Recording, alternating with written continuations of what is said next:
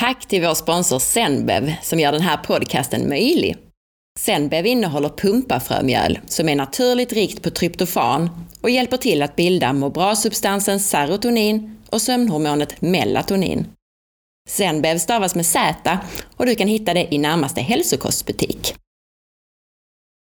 Hej och varmt välkommen till For Health med Anna Sparre. Idag ska vi prata träning och nyckeln till framgång med tjejen som gått från medelmåtta, som hon själv uttrycker det, till att vid 36 års ålder, när hon egentligen lagt sportskorna på hyllan, slår till med SM-guld i triathlon, världscupsplaceringar i skyrunning och nu börjar med den ena sporten efter den andra med fina placeringar i vad hon än tar sig för. Om du gillar den här intervjun så blir jag jätteglad om du vill dela med dig av den på Facebook, Instagram eller till en vän. Ju mer du lyssnar, delar och recenserar, desto bättre går det att hålla podden levande med en massa gratis information och intressanta intervjupersoner. Stort tack på förhand! Och ett extra stort tack till alla er som redan gjort det. Jag ser och märker det verkligen. Gå gärna också in och lämna en recension i din podcastspelare, till exempel i iTunes. Lyssnaren Fine Little skriver sin recension så här. Initierad och givande på alla sätt. Mycket upplysande och intressant podd för dig som är intresserad av din kropp och hälsa. Ja, även för en som normalt inte bryr sig om relaterat. Avsnitt nummer 12 till exempel om ketos var en ögonöppnare för mig. Tack för recensionen! Glöm inte heller att boka mig som föreläsare till ditt event eller företag. Om du är nyfiken efter avsnittet så hittar du mer information på forhealth.se. Anna Eriksmo började i tidig ålder med friidrott och löpning, men nådde aldrig riktigt toppen. Hon växlade i 20-årsåldern över till boxning, där hon snabbt blev bra och tränade med Ugandas OS-landslag inför OS i Aten, innan hon hittade tillbaka till löpningen i 27-årsåldern. Hon tävlade 10 000 meter på riktigt bra tider, men hennes vanliga jobb vid sidan av tog tid och hon nådde aldrig riktigt de framgångar hon gör idag. Anna la skorna på hyllan, trodde hon, och födde en son men hittade ny inspiration och har sedan dess skördat hem framgång efter framgång i olika sporter, trots både barn och ett tidskrävande vanligt arbete som chef för affärsstyrning på ett internationellt företag. Vad är egentligen nyckeln till framgång och hur lägger hon upp träning, kost och annat? Idag ska vi hämta inspiration från den här coola tjejen. Hej Anna, så kul att du är med idag! Hej! Tack!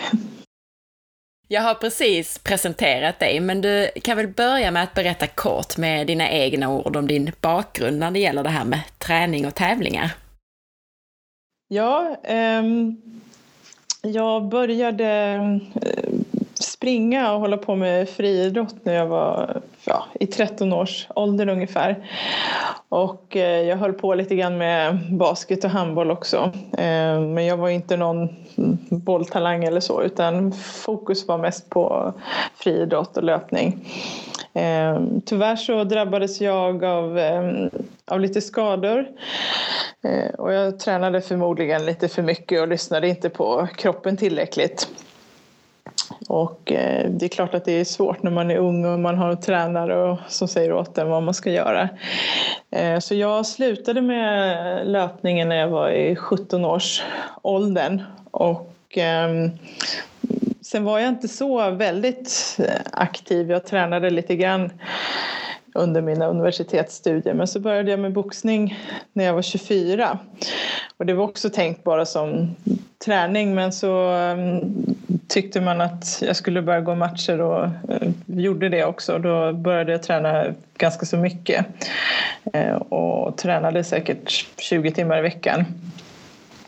Och det funkade bra så länge jag pluggade men sen började jag eh, jobba och flyttade ner till Malmö och då hade jag inte tid att träna så där mycket utan, och då började jag faktiskt att springa igen. Eh, men bara för träning. Eh, för då hade jobbet mest fokus. Eh, 2007 så sprang jag mitt första lopp då på väldigt många år. och Det var ett Eh, ett event med jobbet. Jag jobbade nere i, i München i Tyskland då och eh, några kollegor drog med mig och jag fick någon annans startplats. Det var, det var som ganska ad hoc. Och jag sprang det där och sen gick vi ut och eh, drack lite öl, kollegorna. Så dagen efter fick jag veta att jag hade kommit femma i det här loppet. Så det var 10 000 deltagare, både tjejer och killar. Då. Eh, och det hade jag ju som ingen tanke på då, att jag, när jag sprang, att det hade gått så bra. Och hade jag varit kvar så hade jag väl fått något pris eller vad det var.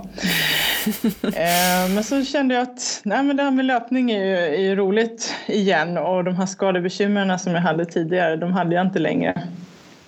Eh, och så jag började träna lite mer löpning och fokuserade på lite längre distanser, 10 kilometer och halvmaraton. Och eh, sprang, även mitt andra lopp var också i München och det var 10 000 meter. Eh, och då, hade jag, då tränade jag inför det här loppet och hade som mål att jag skulle springa under 40 minuter. Det var lite en sån magisk gräns för mig då.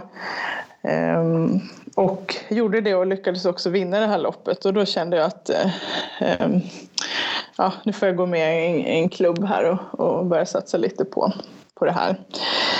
Eh, och det gjorde jag, gick med i MAI och höll på med, med friidrott igen då och hade en väldigt bra tränare men sen eh, så tog jobbet lite mer överhanden och så fick jag, födde jag barn när jag var 2010 och då tyckte jag att nu lägger jag det här med eh, tävlandet på hyllan. I alla fall det mer seriösa tävlandet. Eh, och tränade igen då bara för att det var kul och, och för att hålla kroppen eh, i form. Jag gick upp väldigt mycket i vikt under eh, graviditeten. Eh, inte bara för att jag var gravid utan för att jag åt väldigt mycket. Så det här med att träna var ganska bra efteråt. Eh, jag sprang väldigt mycket då eh, med min son i, i, i vagn. Jag hade ingen sån här springvagn som är väldigt populärt nu utan jag hade en, en tung sån här fyrhjulig kronanvagn som gav väldigt bra motstånd. Eh, och jag, ja, de enda löppassen jag hade var när jag sprang med min, min son.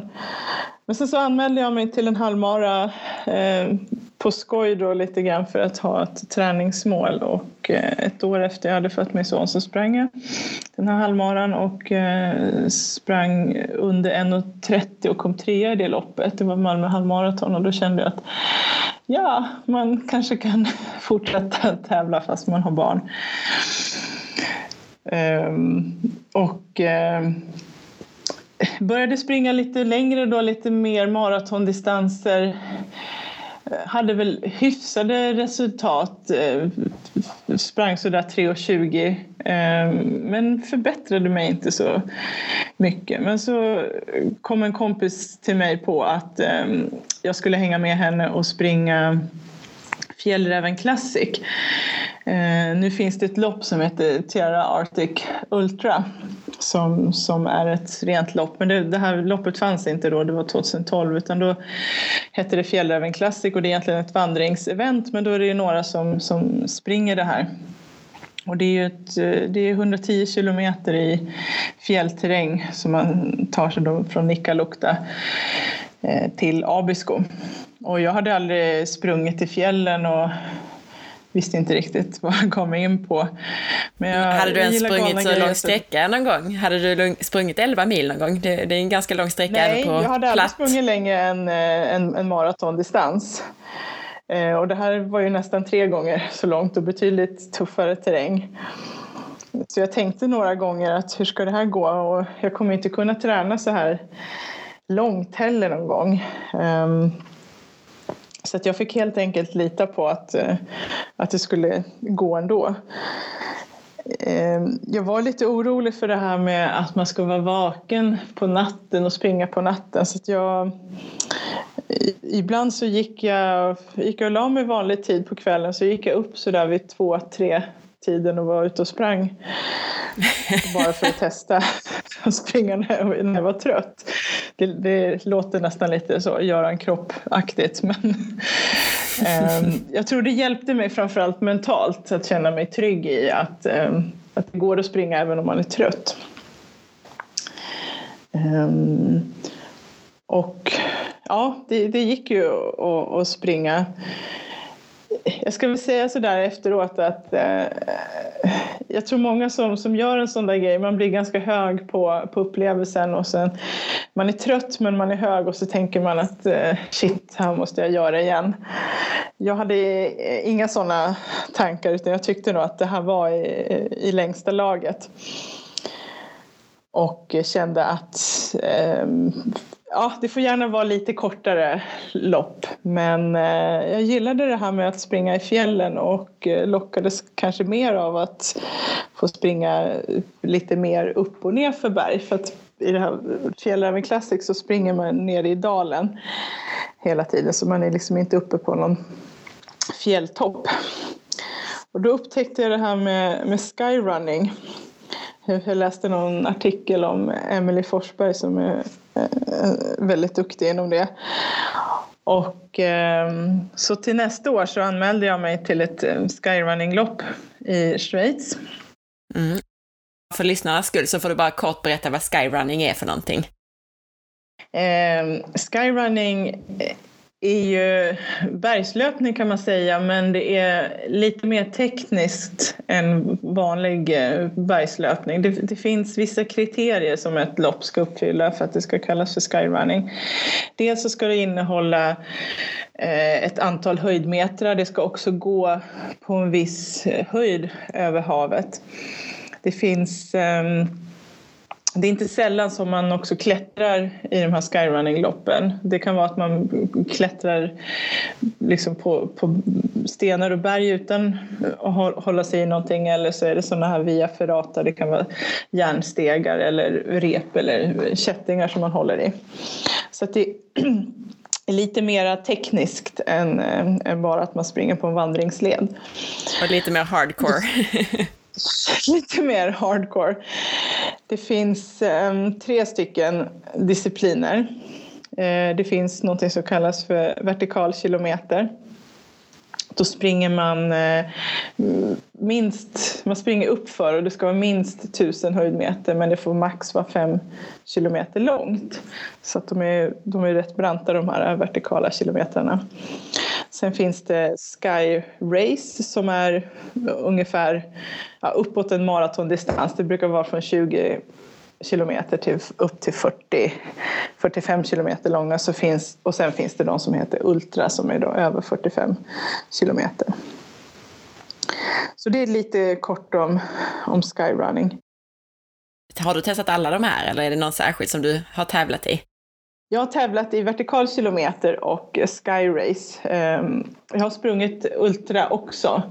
Ehm, men jag gillar ju inte när de är för långa. Ehm, jag vill ha helst under sju timmar sådär. Men jag har provat ultra. sådär, sådär, sådär lite lagom under sju timmar. Ja. Jag brukar säga så här, jag tycker om att sova och äta och eh, jag håller på med massa olika sporter. Folk undrar om jag inte ska börja med multisport och adventure racing men jag, eh, jag gillar att äta och sova så det är inte riktigt min grej. Jag sprang då mitt första skyrunning-lopp 2013 i Schweiz. Eh, det heter Matterhorn Ultra och det här loppet är med då i världskuppen. Det är fem deltävlingar i världskuppen och eh, jag hade ingen aning om vad jag skulle förvänta mig men jag kom på tionde plats och blev väldigt wow. eh, överraskad och förvånad. Eh, och det var jättekul. Eh, och Emelie Forsberg vann det här loppet så fick jag träffa henne också. Och jag kände att det här, är, det här är min grej, att få vara i Alperna och, och springa eh, upp och ner på de här bergstopparna. Det var helt underbart. Ehm, efter det här så fortsatte jag springa lite skyrunning-lopp i världskuppen och åkte till Italien också under 2013 och 2014 i fjol då, så var jag med i landslaget i skyrunning och sprang VM som gick i Chamonix och kom på 17 plats i vertikalkilometer och 23 plats i skyracet där som var de två loppen jag sprang. Bara ungefär hur mycket deltagare är det i de här loppen, i världscuptävlingar och VM och sådär? Det är ju, eh, de här loppen är ju öppna för alla deltagare. Eh, det brukar vara, nu senast när jag sprang i Italien i somras så var det 2000 deltagare i Oj. de loppen, varav ungefär... Eh, det är ganska mycket tjejer, så det är en fjärdedel tjejer i i Sverige brukar det inte vara lika, då brukar det vara lite sämre fördelat. Ehm, men ungefär en fjärdedel är tjejer. Mm. Ja, det ger ju lite perspektiv, tänker jag, för lyssnarna att veta att du kom på tionde plats i ett lopp och sjuttonde i ett annat, av då kanske 500-600 tjejer. Det är ju eh, jättebra.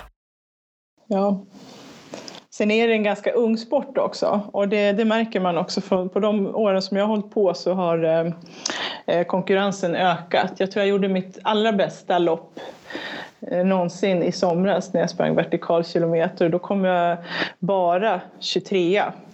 Ehm, så att det, konkurrensen ökar, eh, har ökat betydligt. Och det, det, är bra att det blir bättre motstånd. Det är också ett sätt, det är så sporten utvecklas och får legitimitet.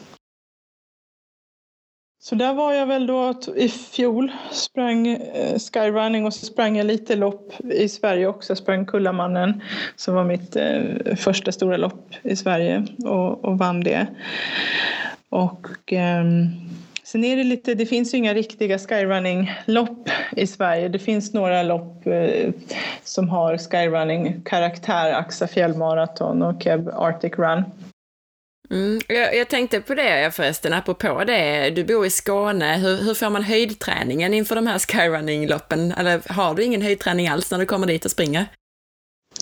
Det är en utmaning. Det ena är ju att man inte tränar på hög höjd. De andra som är med i världseliten, de bor ju oftast, eh, antingen så bor de i Alperna eller så bor de någonstans i Colorado i USA eh, och bor på betydligt högre höjd. Um, höjdträning kan man ju, om man hittar någon bra backe, finns några eh, ås, ås, åsar i Skåne, Söderåsen eller Kullaberg, så får man ju träna där, men det blir inte riktigt samma sak. Nej, jag, jag tänkte framförallt på just den biten att det är så, sån skillnad i, eh, just med syremängd och sådana saker, att det är så, så mycket svårare att, eh, att träna och tävla på hög höjd. Mm. Det är klart att det, det, det märks skillnad. Eh, sen tror jag att, eh, att man är olika. Eh, olika personer har olika lätt att anpassa sig till olika höjd. Eh, och jag har inte någon jättestor eh, problem, upplever jag. Jag har aldrig varit uppe på så mycket högre än 4000 eh, meter men eh, jag har sprungit på den höjden utan att vara akklimatiserad och det funkar eh, bra för mig. Det är klart man märker att det är skillnad. Ehm, men jag tycker att det, det funkar rätt bra. Sen är det svårt att säga hur stor skillnad det skulle vara. Jag har märkt att när jag har varit längre perioder på hög höjd att jag kommer i bättre form när jag kommer ner på havsnivå så det är klart att det påverkar. Mm. Det här med löpning är ju ganska så slitsamt eh, för kroppen och eh, under sensommaren i fjol så började jag cykla lite grann, landsvägscykling. Och eh, det var en väldigt fin sommar. Jag hade en väldigt fin cykeltur som min första cykeltur. Jag cyklade på Hallandsåsen och hade trevligt sällskap och kände att det här var, det här var riktigt nice och eh, blev lite biten av det här med cykel och eftersom jag gillar väldigt mycket att tävla så anmälde jag mig direkt till en motionscykeltävling eh, och hade bara hunnit träna fyra cykelpass innan det var dags för den här tävlingen och kom ändå tvåa så då kände jag att här har jag hittat något, något annat som också är väldigt roligt och som jag eh, uppenbarligen passar för. Så jag fortsatte att träna cykling som ett komplement till löpningen. Jag, jag tror att just bergslöpning och eh, cykling passar väldigt bra ihop för att man behöver vara stark i benen och eh, ha bra syreupptagningsförmåga i båda så att det blir ett bra komplement. Och under vintern så körde jag eh, mountainbike mest och även eh, eh cykelcross. Men löpningen var fortfarande huvudmålet och eh, jag har hållit på och simmat lite grann. Jag bor vid havet och, och hållit på lite grann med, med vattensport och tycker om att vara ute i elementen. Och jag började träna med en triathlonklubb förra vintern och det var några där som tyckte att jag borde prova det här med triathlon och jag har varit väldigt motvillig får jag väl erkänna. Och kanske tänkt att triathlon det kan jag hålla på med sen när jag är lite äldre, när jag är 40 sådär. Varför ska man hålla på med triathlon när man är gammal, eller hur menar du? Nej, men jag, man ser de här som kör eh, Ironman på Hawaii, de det är ju liksom rätt gamla. Jag tycker det, det, är rätt gött att se att man kan hålla på med, med idrott på ganska hög nivå fast man, är, eh, ja, fast man blir äldre.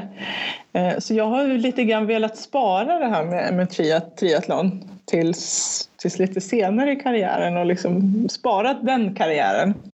Mm.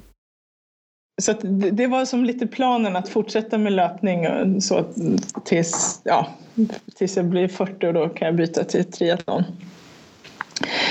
Men så följer jag lite grann ändå för säkert av smicker och så eh, av klubbkompisarna där. Så tänkte jag att jag kan testa ändå och jag anmälde mig till två stycken triathlon-tävlingar.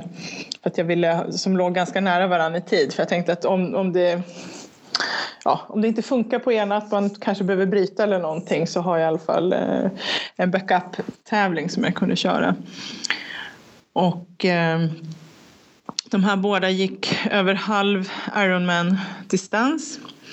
Som då är att man först simmar 1,9 kilometer, sen cyklar man 9 mil och så springer man en halv eh, maraton efter det.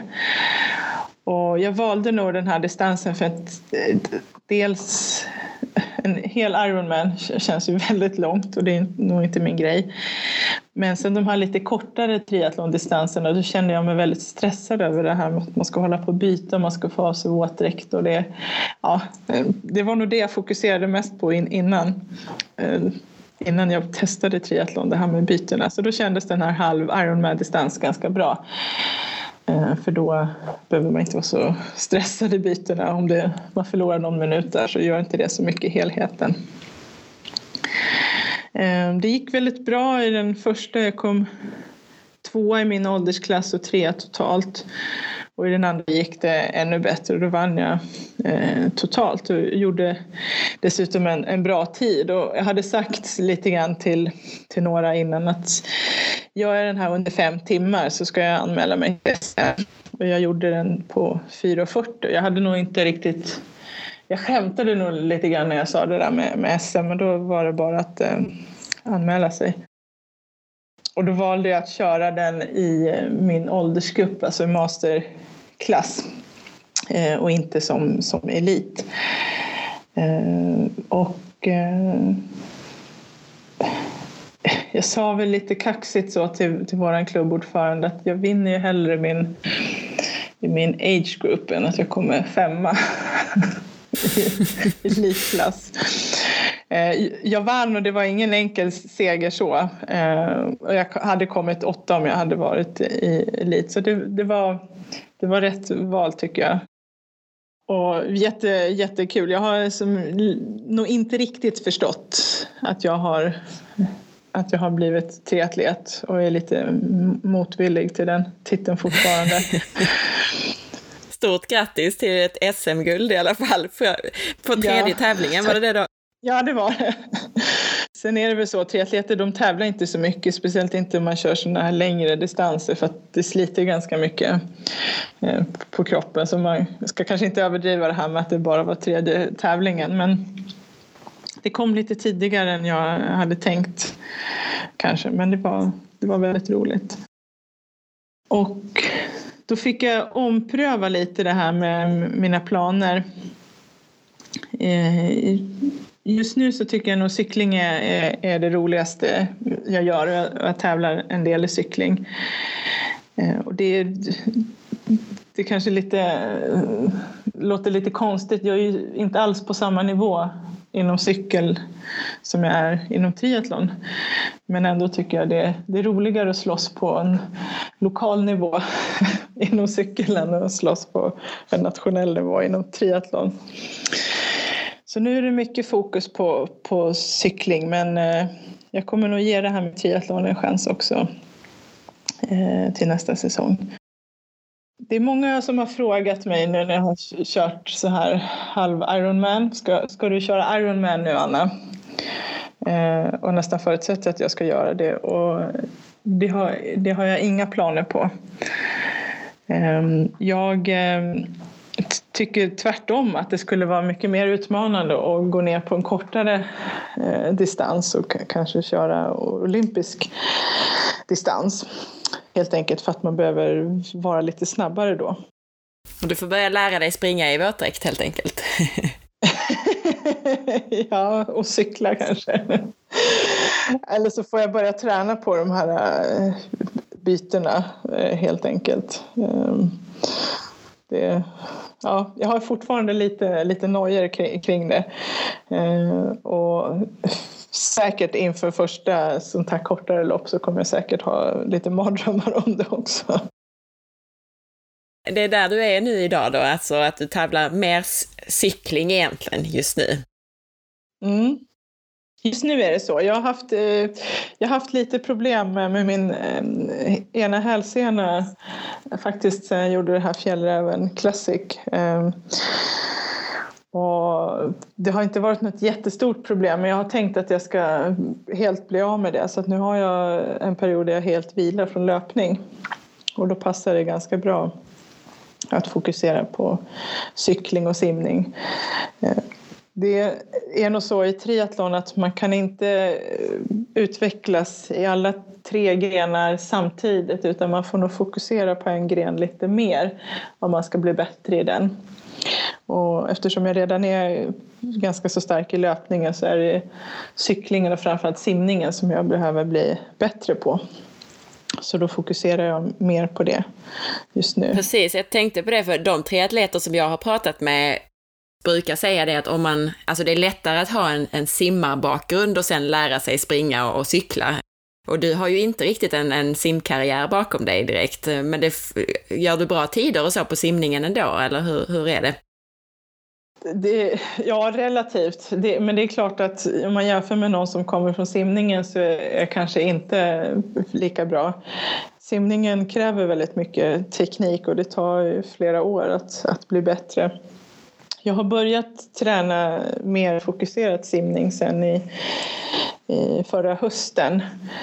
Och eh, på den distansen som man simmar på halv Ironman, 1,9 kilometer, så simmade jag för ett år sedan på 44 minuter och nu simmar jag på 33. Så att det har förbättrat mig väldigt mycket där.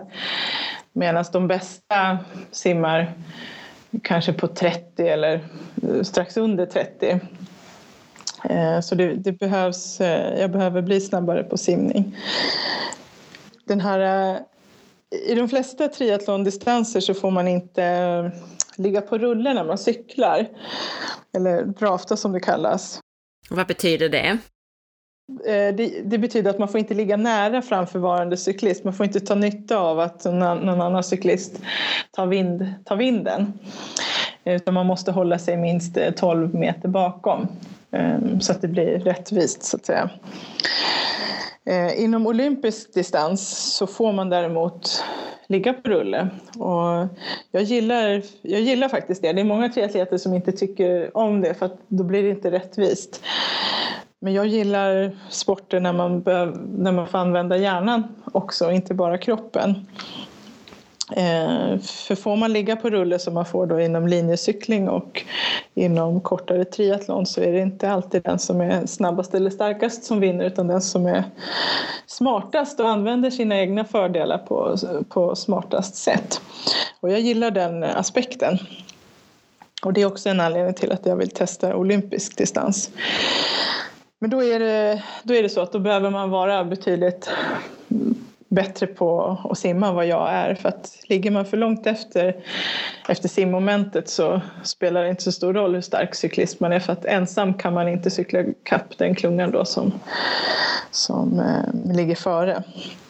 Så simningen är verkligen nyckeln för mig om jag ska kunna köra de här kortare distanserna som jag har tänkt vad du än tar dig för, jag följer ju dig på Facebook, så säger du liksom att ah, men eh, jag testade världskuppen i skyrunning och nu kom jag tia, eller, nu, eller som du sa här nu bara, ah, men ah, jag testar simma lite och sen helt plötsligt så är du en triatlet.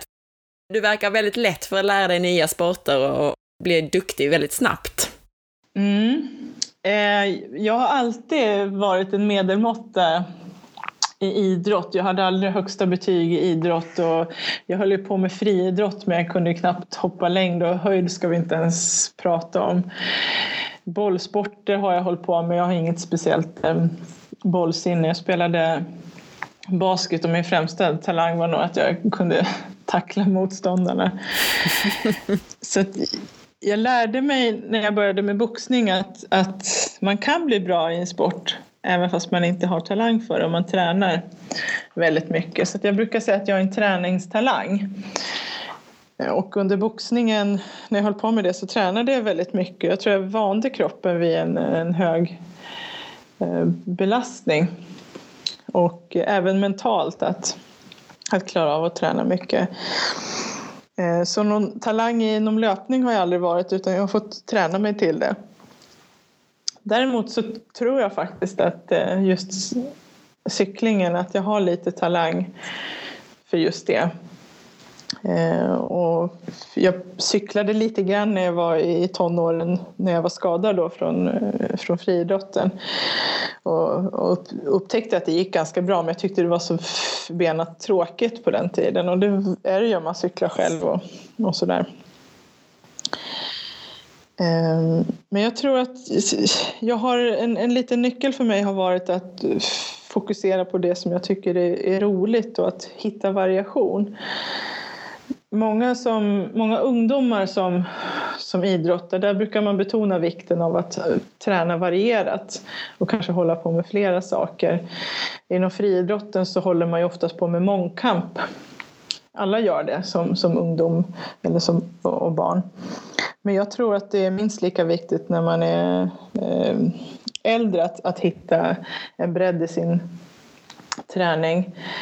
Eh, inte minst mentalt. Eh, om man bara gör en sak så blir det väldigt mycket fokus på det. Och om det inte går så himla bra för tillfället så, så tappar man även mentalt i det. Jag tänker lite grann på när Pernilla Wiberg, hon hade ju väldigt många skador under sin karriär och hittade väldigt mycket alternativ träning. Och det vart väldigt mycket en mental boost för henne, den här alternativa träningen. Du sa här nu och du har sagt till mig innan också att du, du själv uttrycker det som att du har gått från medelmåtta och nu då så, eh, så tar du ju placeringar och matchar världseliten i vad du än tar dig för. Och är det just det här med, dels att du har insett att man måste träna mycket, men också det här med variationen, eller finns det andra faktorer som spelar in till varför det går så himla bra nu och inte gjorde det när du var yngre? När jag var yngre så var jag rädd för att förlora. Och jag tror att det är svårt att vinna om man är rädd för att förlora. I, idag så har jag lite grann ett motto som, som är att våga vinna, våga förlora. Det är klart att jag vill vinna och kommer göra vad jag kan för att vinna. Men jag är inte rädd för att sätta mig i en situation där jag eh, kanske inte vinner och kanske till och med kommer sist. Jag har kört någon cykeltävling där jag kom, kom sist men hade faktiskt jätteroligt. Och det tror jag är en, eh, har varit en nyckel för mig. För att när jag tidigare var rädd för att förlora så vågade jag inte riktigt satsa för att vinna heller. Och för mig går det tillbaka till varför gör jag det här? Jag gör det bara för min egen skull. Jag svarar inte mot, mot någon annan. Och det är klart att det är lätt att säga det när man, in, man har inget, jag har inget lag som jag tävlar för och Eh, jag är inte proffs så att jag måste mm, svara mot något sånt. Utan då kan jag hela tiden utgå från att jag gör det här för att jag tycker det är roligt och tycker jag inte att det är roligt så gör jag det inte. Jag hade en eh, mental svacka i våras när jag tyckte löpningen gick dåligt. Jag hade varit väldigt mycket sjuk och träningen hade blivit lidande. Och sen så skulle jag på en tävling och Eh, jag var förkyld och kom till start men tvingades bryta och ja, var väldigt nere kring det där. Men så på vägen hem från den där tävlingen så funderade jag lite grann på vad är det som gör att jag tycker det är roligt att träna och tävla. Och just då så tyckte jag att det var roligt att cykla och jag tyckte det var roligt att vara i eh, goda vänners lag. Så då hängde jag med ett gäng kompisar som skulle ner till Italien och cykla. Jag cyklade med dem och fick tillbaka inspiration. Ehm, så jag tror det är viktigt att fundera på varför man gör saker och hitta det man själv tycker är roligt. Just det. Och du nämnde ju också att en del av det här med att träna olika saker och tävla i olika saker är den mentala eh, biten av det. Arbetar du medvetet i övrigt med den mentala biten? Ja, det gör jag. Eh, jag har blivit lite medveten, eller jag har en uppfattning om att det mentala är min styrka. Och jag är en sån här person som som tänker att det är bättre att jobba med sina styrkor än med sina svagheter. För att jobbar man med sina svagheter då kan man vara en medelmåtta i allt. Men jobbar man med sina styrkor så kan man bli riktigt duktig på något. Och eh, jag brukar säga till eh, folk runt omkring mig att det är ingen som säger till Zlatan att han ska träna på sin skridskoteknik. Han är säkert inte speciellt bra på att åka skridskor. Men det är ingen som säger åt honom att han ska träna på det heller. Ehm, och eftersom jag har en liten uppfattning då att det mentala är min styrka så har jag fortsatt att försöka jobba med det och hitta lite nya tekniker. Eh, och jobbar mycket med eh, att komma över rädslor jag håller på med en del, en del sporter som andra kanske tycker är lite farliga. Såsom ja, klättring och, och surfing och även cykling eh, är ju ganska farligt ibland. Och då jobbar jag mycket med det här att försöka komma över mina rädslor. Jag är ganska riskmedveten och väl i grunden ganska feg egentligen. Men då eh, försöker jag jobba, jobba med det, att eh, kapsla in de här rädslorna och inte låta dem påverka prestationen. Hur gör man det?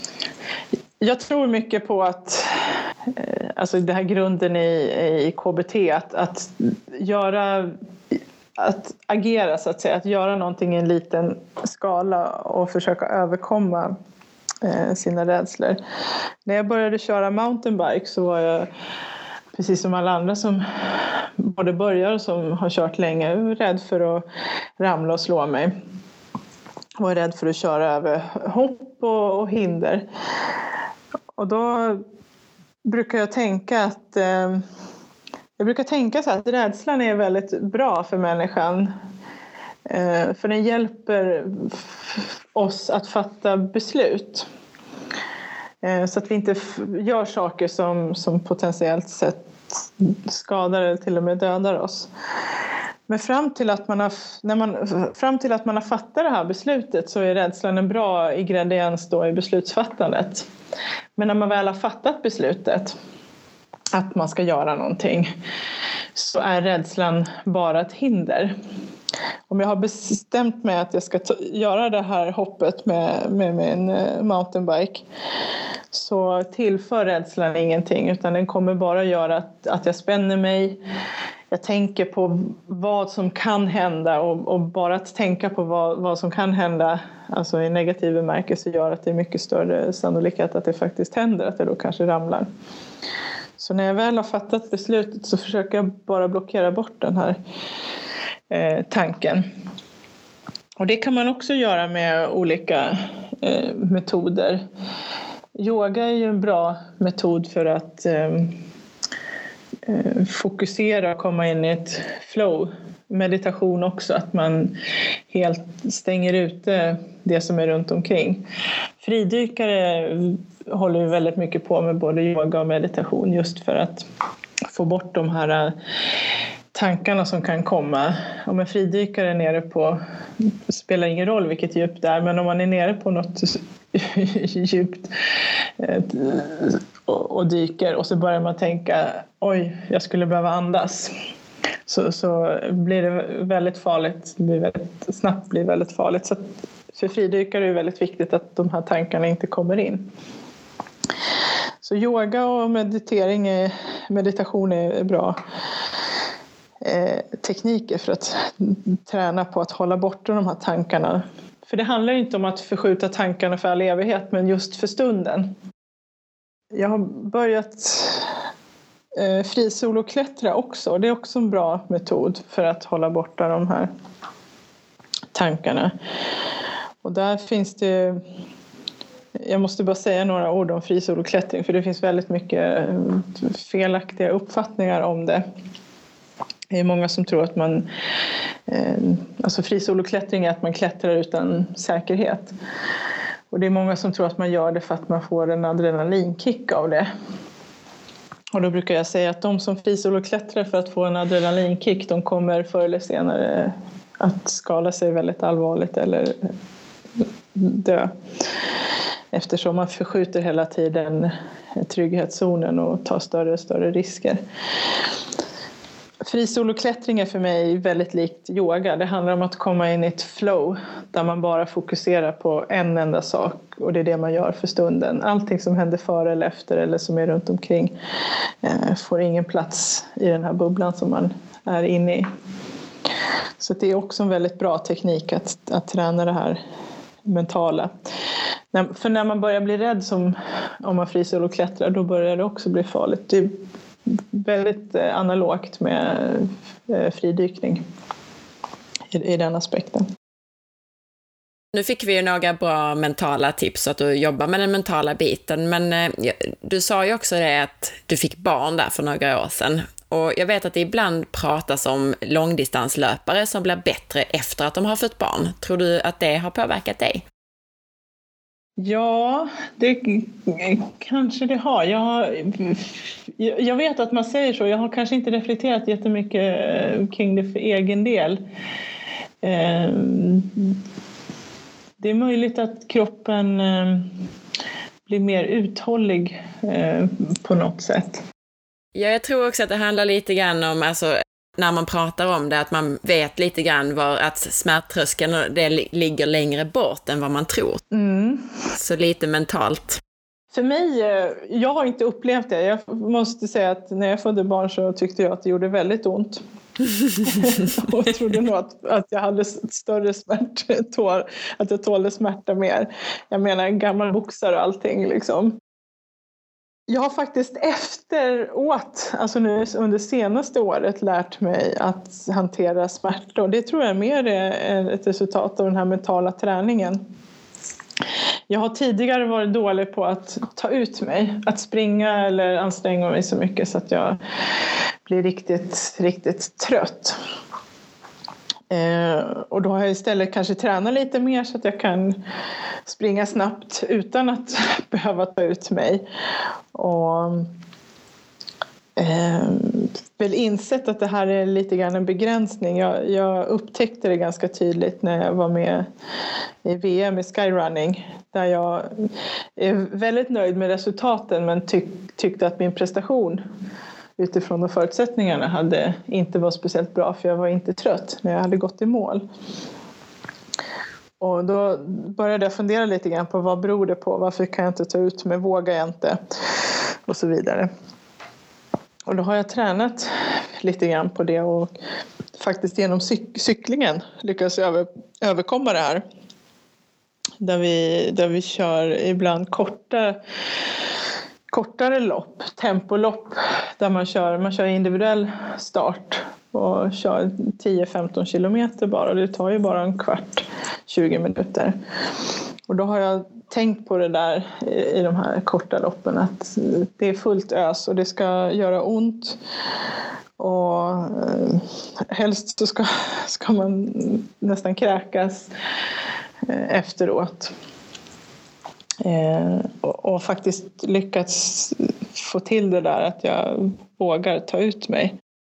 Så nästa gång du ställer upp i, i VM i skyrunning så kanske du hamnar på pallen då?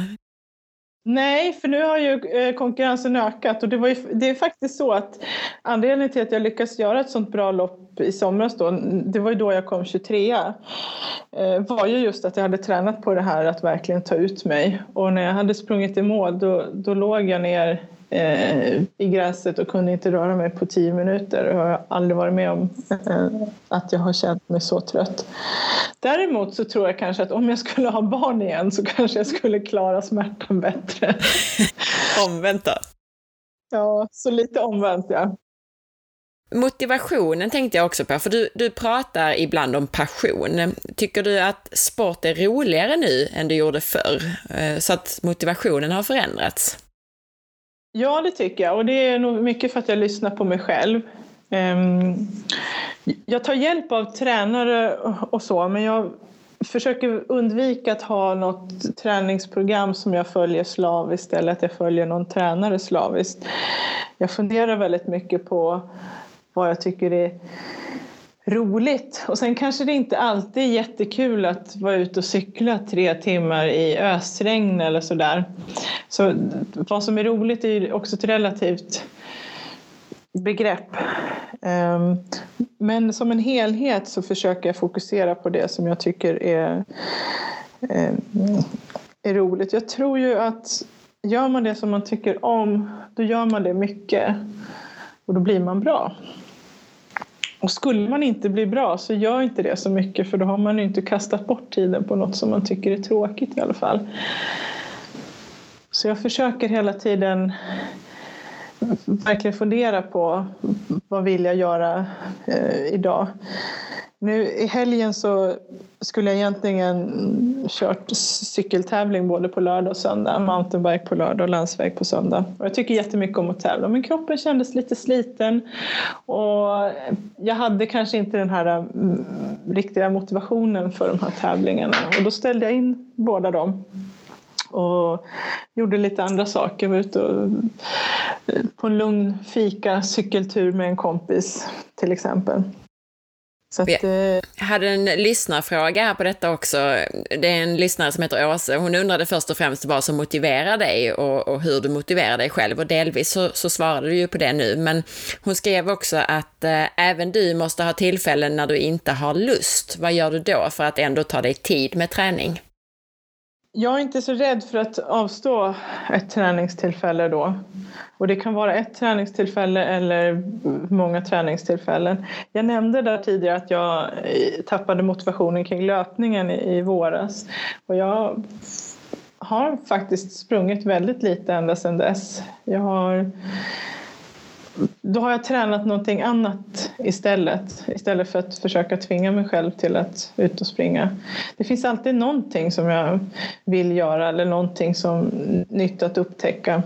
Och då tänker jag att om jag inte känner lust för att springa just under den här perioden så finns det nog någonting annat som jag eh, vill upptäcka. Och det är fördelen kanske då också med att inte, för du sa det att du är inte proffs utan du har ett vanligt jobb också. Har du några tankar på att bli proffs eller är det detta som, som gör att du kanske inte vill bli det?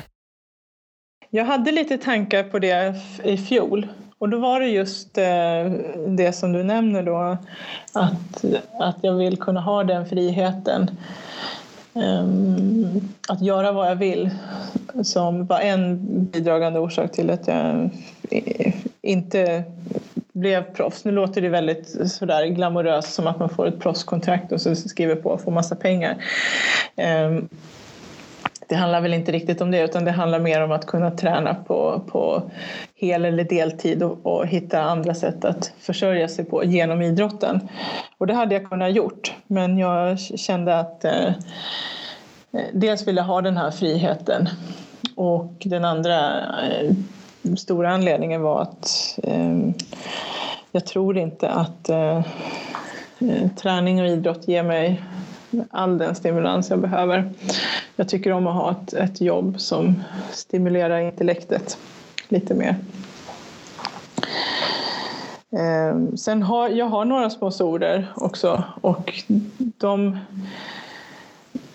för mig är det väldigt viktigt att ha rätt sponsorer. Och de jag har, de är mer, de sponsrar mig mer som person än min specifika idrott. Så de följer mig i mina olika äventyr och, och satsningar och tror på mig som, som person och, och, och, kanske förebild snarare än att jag måste prestera exakt i en specifik eh, idrottsgren. Och då passar det ganska, ganska bra. Eh, jag skulle nog ha svårt att ha en, en väldigt så specifik eh, sponsor som, där det hänger väldigt mycket på resultaten. Mm. Men Anna, hur är det med tävlingsnerver då? Har du sådana? Jag börjar få det igen. Jag hade, var väldigt nervös när jag var, var yngre och höll på med friidrott och då var jag nog för nervös eftersom jag var rädd för att förlora. Sen ett tag här efter, efter jag fick barn och så, så förlorade det här med tävling förlorade sin viktighet och då tappade jag rätt mycket med, med tävlingsnerver och kanske lite för mycket. Och det tror jag också bidrog till att jag inte tog ut mig på tävlingar för jag var inte tillräckligt taggad helt enkelt. Så nu försöker jag nu, jag får jobba lite grann för att tagga till. Men nu vet jag hur jag ska göra för att tagga till och, och skapa lite press på mig själv. Så nu tycker jag att jag hittar en ganska bra balans. Och jag tycker det jag tycker det är bra att vara nervös inför en tävling för att är man nervös så, så det är kroppens sätt att förbereda sig för en, en kraftansträngning. En del är väldigt oroliga till exempel för att man ska sova dåligt. Eh, Natten innan en tävling och jag har sovit dåligt många gånger natten innan en tävling och jag brukar säga att det viktigaste är inte hur man sover natten innan utan det är hur man sover natten innan dess. För har man sovit bra då, då spelar det inte så stor roll och jag har sett andra jätteprestationer som folk har gjort när de har sovit eh, dåligt natten innan. Så att, att vara nervös eh, tycker jag är positivt. Eh, inför en tävling. Sen är det klart att är man extremt nervös och under en lång tid så, så kan det få en negativ eh, påverkan. Men tävlings, tävlingsnerver är i, i grunden något positivt. Hur gör du för att tagga till? Har du något enkelt knep eller är det en, en lång eh, process? Ja, jag, jag, brukar föreställa mig lite grann hur tävlingen ska vara och att jag kanske ska vinna eller prestera bra och att, eh, hur de här avgörande ögonblicken ska, ska kunna vara. Um, och, och, skapa lite press på mig själv. Kanske tänka att här ska jag ta i extra mycket. Eller här skulle jag vilja prestera bra. Jag försöker undvika att, att sätta mål i termer av placering och så. Det är så mycket runt omkring som jag inte kan påverka. Om någon annan är mycket bättre förberedd eller bättre än mig så är det svårt kanske att jag ska säga att jag ska vinna över dem. Jag kan ju fokusera på min prestation. Eh, men just sätta lite press på mig själv eh, helt enkelt. Och har man svårt att sätta press på sig själv så kan man ju berätta för andra vad man tänker. Då får man ju lite indirekt eh, press kanske. Men visualisera så som du berättar eh, är ju många framgångsrika resultat som har gjorts eh, baserat på det. Jag vet det är någon känd berättelse om någon skridskoåkare som låg i sjukhussängen eh, innan, inför något OS och visualiserade varenda dag och sen, sen vann han. Mm. Det här med visualisering är lite speciellt. Jag var på ett föredrag av en sån idrottspsykolog. Ehm, man ska vara lite försiktig med det här med visualisering har jag förstått efter att ha lyssnat på det här föredraget. Om man visualiserar att man vinner mm. och visualiserar det väldigt hårt och sen vinner man inte då blir, då blir det någon slags kortslutning i, i hjärnan varpå den här visualiseringen funkar dåligt. Den här idrottspsykologen han menade istället att man ska inte tänka att man ska vinna. Man ska tänka att det är en absolut trolig möjlighet att man vinner. för det blir så lätt att det blir att man, att man blir tvingad in i det här. Att, och, och då om man inte vinner så blir det som att man förlorar allt det här. Så visualiseringen får gärna gå ut på att man vinner men man måste vara medveten om att det finns saker man inte kan påverka som kan, eh, ja, som kan göra att det ändå inte blir så. Du har ett tidskrävande och utmanande vanligt jobb och det nämnde du och, och, du nämnde fördelarna med det. Men många skulle ju säga att det är ett hinder för att kunna träna tillräckligt och nå riktig framgång. Känner du det också, eller hur påverkar jobbet dig som idrottare? En vecka har 168 timmar. Jag spenderar 40 till 45 timmar med att jobba av dem. Eh, jag sover ganska mycket. Jag försöker sova uppåt åtta timmar, det blir inte det eh, varje natt. Men eh, säg att jag sover dryga 50 timmar i veckan. Det är ganska många timmar kvar eh, ändå. Eh, det handlar nog helt enkelt om vad, man prioriterar och gör man det man är, tycker är roligt så prioriterar man det. Jag väljer till exempel att inte titta så mycket på TV. Dels för att jag tycker att det tar väldigt mycket onödig tid eh, och att man blir lite passiv i det. Jag vill prioritera annat. Jag tränar ungefär 14 timmar i veckan och jag tror att en genomsnittlig svensk tittar på tv mer än 14 timmar i veckan. Så om man vill så är valet ganska enkelt. Men det handlar ju om att göra det man tycker om. Eh, och jag tror inte att det är någon bra idé att träna 14 timmar i veckan om man hellre vill titta på tv utan då får man nog försöka hitta en annan balans i det. Men eh, för mig Men vi kan ju uppmana, vi kan ju uppmana lyssnarna att, eh, att föra dagbok över hur mycket de tittar på TV innan de eh, säger att de inte har tid att träna då. Ja, lite så. Lite kanske för att eh, sätta det i perspektiv för sig själv och förstå vad lägger, vad lägger man tiden på. Vi gör ju väldigt många val passivt eh, vi människor för det är väldigt energieffektivt att göra passiva val men det blir inte alltid så bra val. Jag brukar tänka att man måste försöka göra lite mer aktiva val. Ehm, för mig är jobbet inte ett hinder att hinna träna utan det stora problemet är nog snarare återhämtning. Ehm, skulle jag jobba mindre så skulle jag inte träna mer men däremot så skulle jag vila mer. Nu har jag tack och lov inte ett fysiskt krävande arbete utan ehm, men ändå, det är ju fortfarande en sorts påfrestning. Även en mental påfrestning är ju en påfrestning på kroppen, så det är ju eh, definitivt, det förstår jag då. Ja. Att du skulle ha bättre, bättre återhämtning. Har du någon särskild förebild eller person som inspirerat dig eller lärt dig saker som har varit avgörande för, för dina eh, framgångar här de senaste åren? Jag brukar tänka att man kan hitta någonting hos alla så att alla kan vara en förebild. En del tänker oftast att det är någon som är bättre än en själv som är förebild eller någon som är äldre eller någon som är mer senior. Jag brukar alltid försöka tänka tvärtom och eh, brukar försöka hitta förebilder i, i de som kanske inte eh, som man kanske inte ser som förebilder. Barn är ganska bra på det.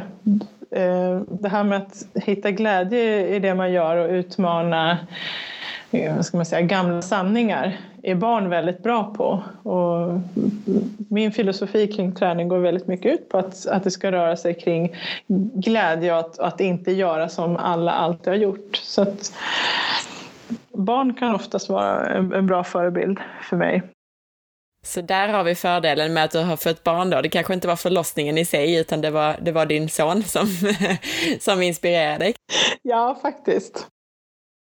Nej, men jag gillar nog personer som, eh, som vågar tänka lite annorlunda, tänka utanför eh, de etablerade eh, ramarna. Och jag brukar tänka på att hitta, försöka hitta nya vinkl, vinklar och nya angreppssätt. Och om alla gör på ett visst sätt så tänker jag instinktivt att om jag gör tvärtom så kanske jag hittar något nytt sätt. Och om man tittar på vilka som har gjort avtryck genom idrottshistorien så är det ju eh, jag menar sån som Jan Boklöv till exempel. Han gjorde ju precis tvärtom mot vad alla gjorde och alla tyckte att han hade en jättekonstig stil när han höll på med backhoppning. Men så visade det sig att han hade ju liksom den vinnande stilen. Eh, och lite de där grejerna försöker jag, eh, försöker jag hitta.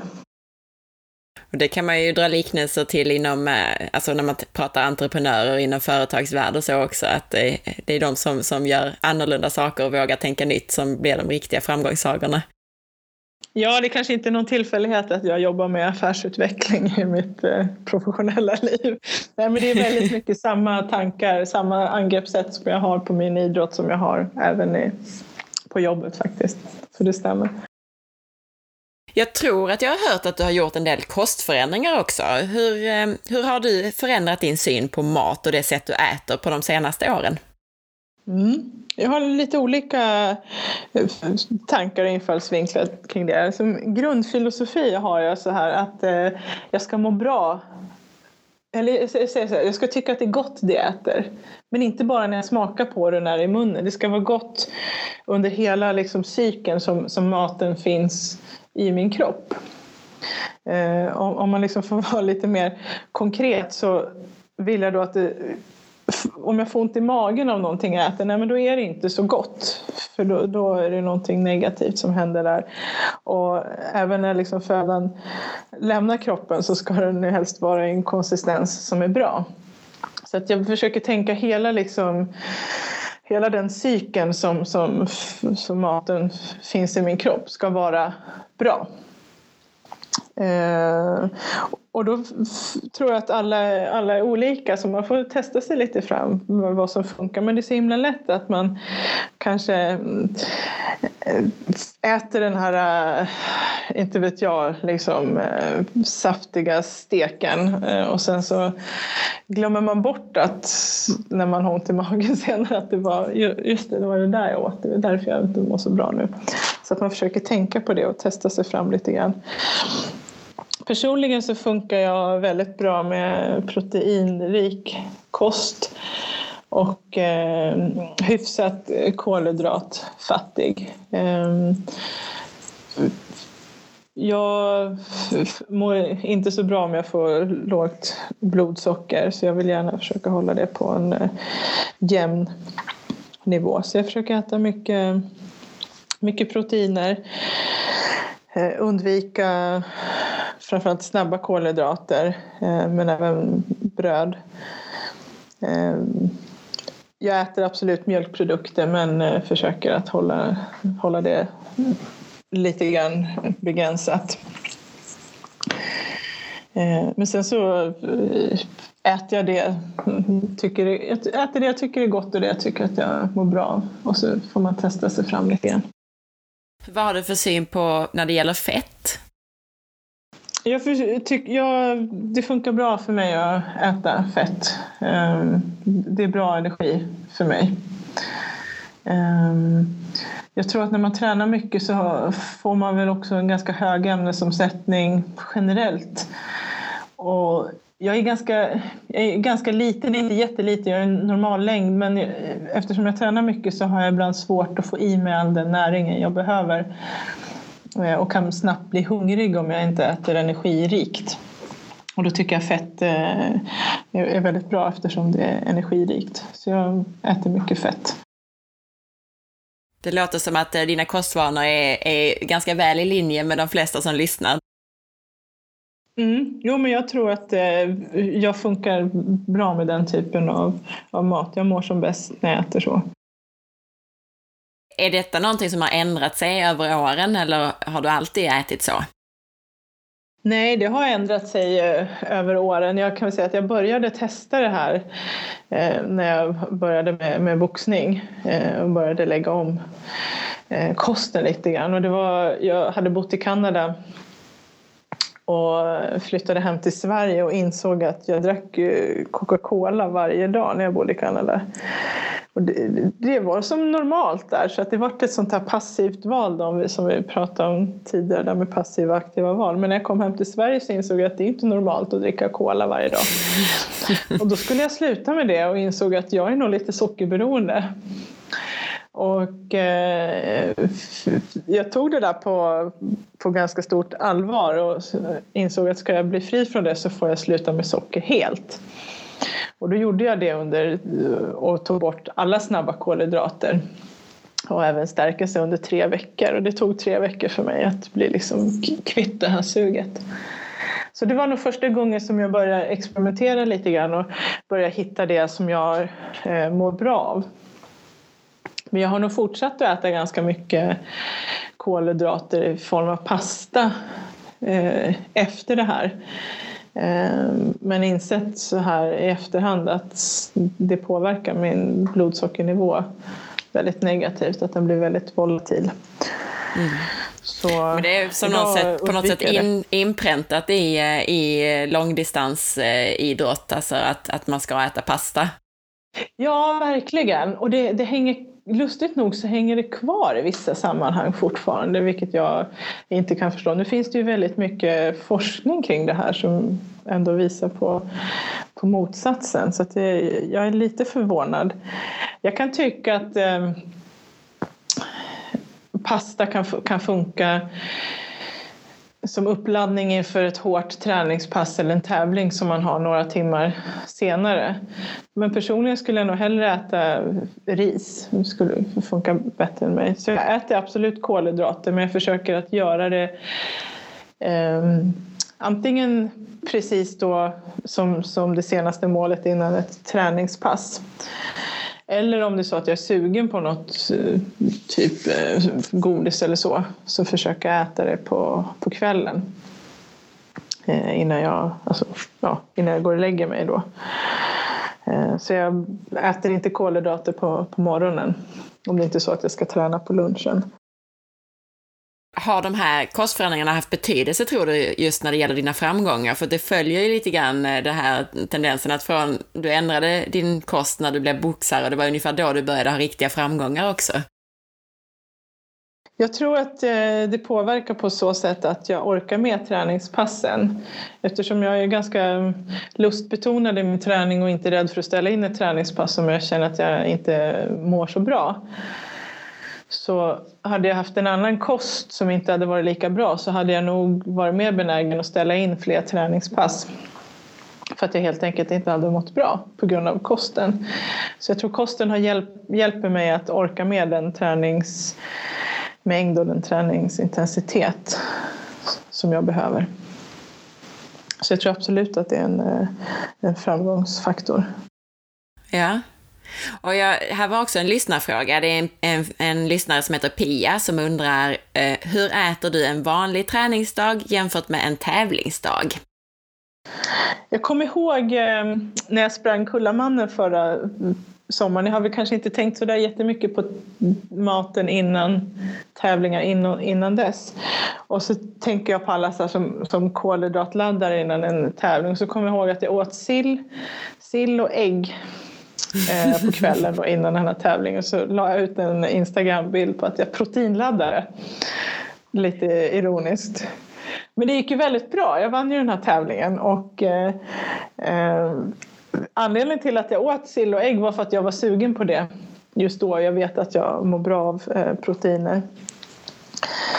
Eh, så jag försöker väl tänka också på det där att det jag ska äta ska liksom vara kvar kanske i min kropp under tävlingen och, och det får gärna liksom vara det på ett bra sätt. Så att jag försöker kanske undvika mjölkprodukter, eh, för mycket fibrer eller stark mat. Eh, annars så gör jag nog inte så stora förändringar eh, inför en tävling. Jag tror att kroppen vänjer sig också vid det man äter så att gör man, gör man mycket förändringar så så är inte det heller positivt. Jag kommer ihåg min första maraton som jag sprang och då hade jag också hört det där med att man måste kolhydratladda. Jag hade ätit jättemycket pasta kvällen innan. Jag sprang det här maratonet och, som var uppe i Växjö och åkte hem i bilen och jag var, jag var ju mätt fortfarande på kvällen. Alltså dagen efter som jag hade ätit. För att jag hade ätit alldeles för mycket. Eh, inför stora tävlingar så är det ju eh, kanske så att jag försöker träna lite mindre för att vara i form och då är det väl kanske snarare så att man får anpassa att man äter lite mindre så att man inte ja, så att man inte blir tung i kroppen. Så eh, det är väl snarare motsatsen till att, till att kolhydratladda utan att försöka äta så, så bra som möjligt och undvika de här äh, sakerna som gör att magen kan bli knepig. Lyssnarna undrade också om du någonsin fastar? Eh, nej, det gör jag eh, inte eh, så länge jag tränar. Jag hade nog gärna testat det någon gång men då hade jag nog inte velat träna så här mycket, i alla fall inte till en början. Däremot så tränar jag eh, på fastande mage för att träna mina katabola processer. Eh, jag simmar eh, ibland på morgonen och då gör jag det innan frukost.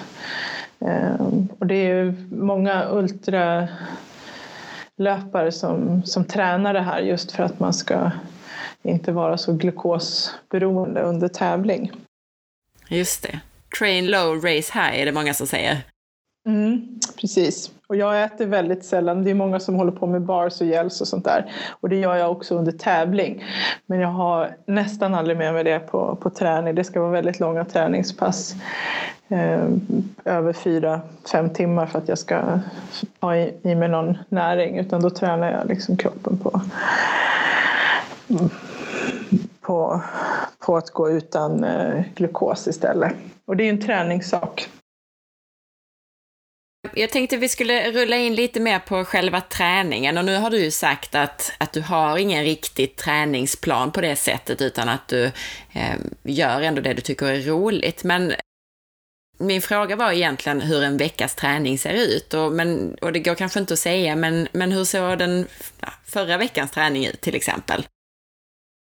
Ja, alltså jag kanske inte har någon träningsplan sådär men jag har kanske en idé lite grann eh, vad jag ska träna och, eh, så, så, att man inte misstolkar det där.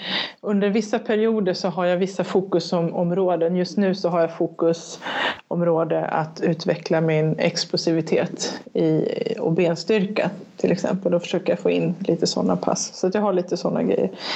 Eh, en veckas träning eh, kan vara eh, vi tar förra veckan. Jag har ett bra jobb på det sättet att jag har möjlighet att träna på lunchen eh, ibland. Så förra veckan så tränade jag, simmade på lunchen på måndagen. Och eh, sen gjorde jag ingenting mer eh, den dagen. Eh, på tisdagen så cyklade jag på kvällen. Ett eh, lugnt, väldigt lugnt pass. Och sen på onsdagen så hade jag cykeltävling eh, på kvällen. På torsdagen så ska vi se om jag kommer ihåg vad jag gjorde. Jag simmade på morgonen och sen så cyklade jag Eh, också ett lugnt pass på kvällen. Och sen på fredag morgon så cyklade jag ett hårt pass eh, med några kompisar där vi hade som en träningstävling kan man säga. Och på lördagen och söndagen var det egentligen tävlingsdag men då var det också två lugna cykelpass. Eh,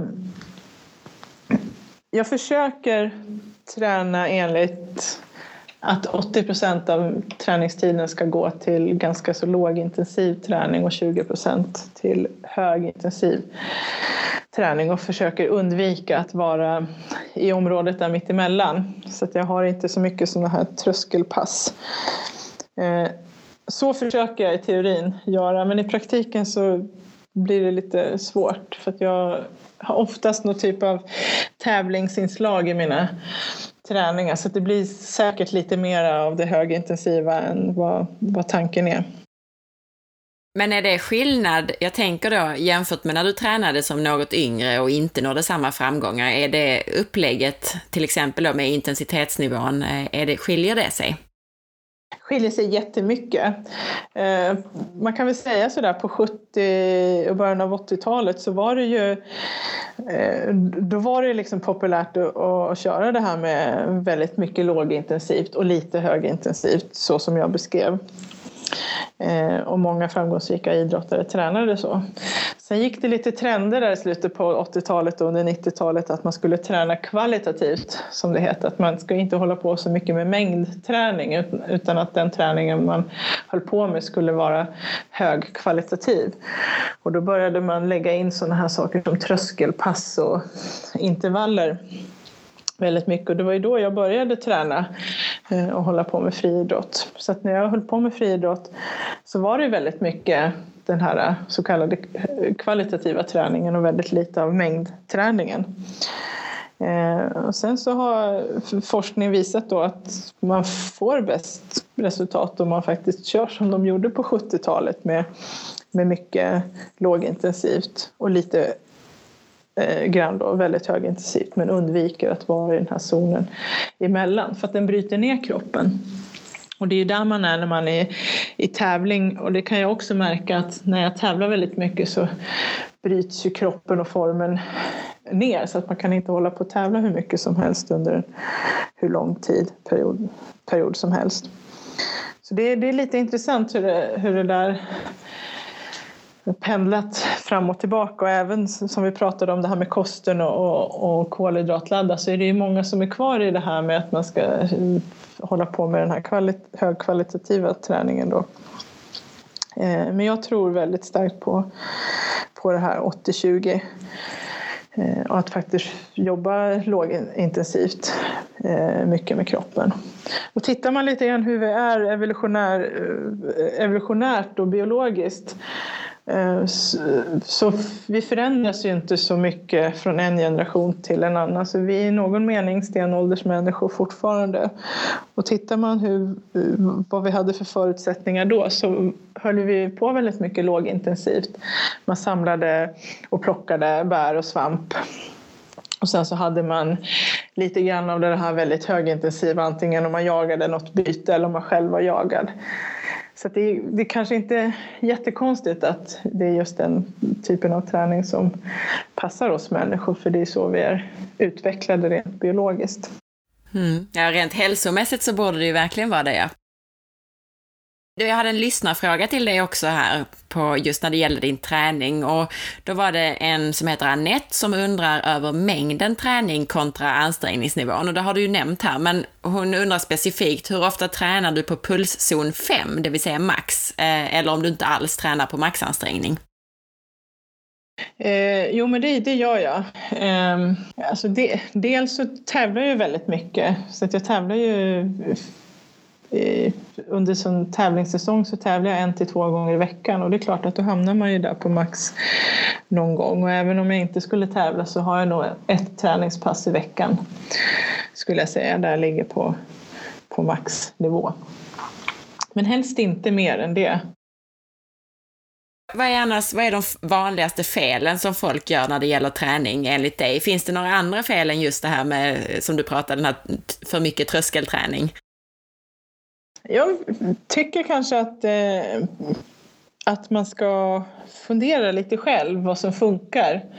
Inte bara blint lyssna på ett eh, träningsupplägg utan man, ska test, man kan testa ett träningsprogram, träningsupplägg men man, man ska nog också utvärdera hur det funkar så att man inte bara följer vad andra säger. För det finns väldigt många olika åsikter och eh, strömningar inom det här med träningslära, precis som det finns inom kost.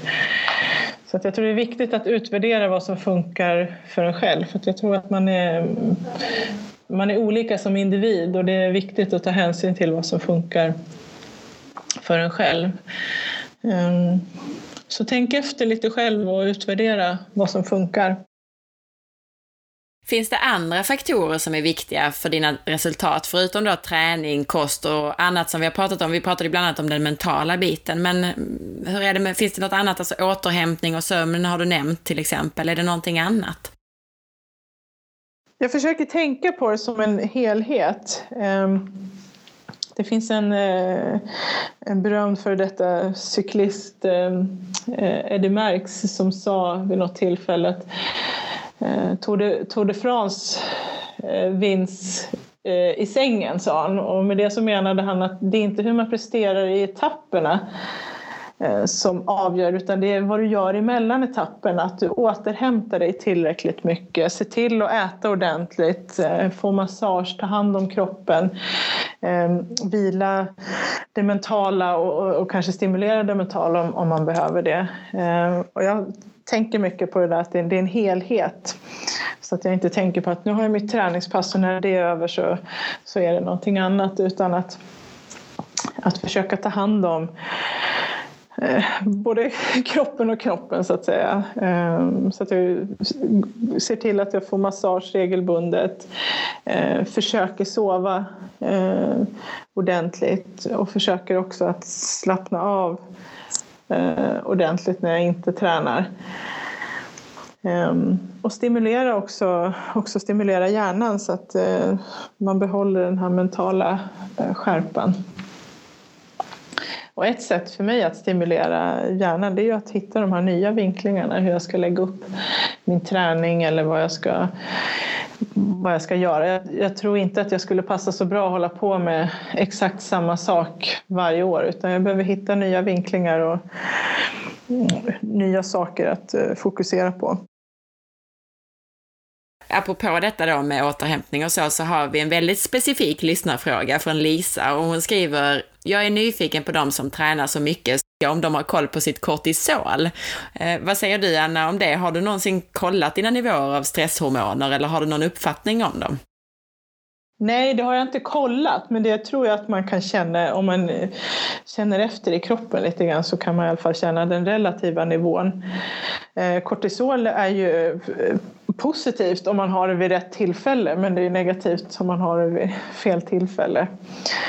Ehm, och jag tror att eh, en förhöjd nivå vid fel tillfälle påverkar återhämtningen eh, negativt.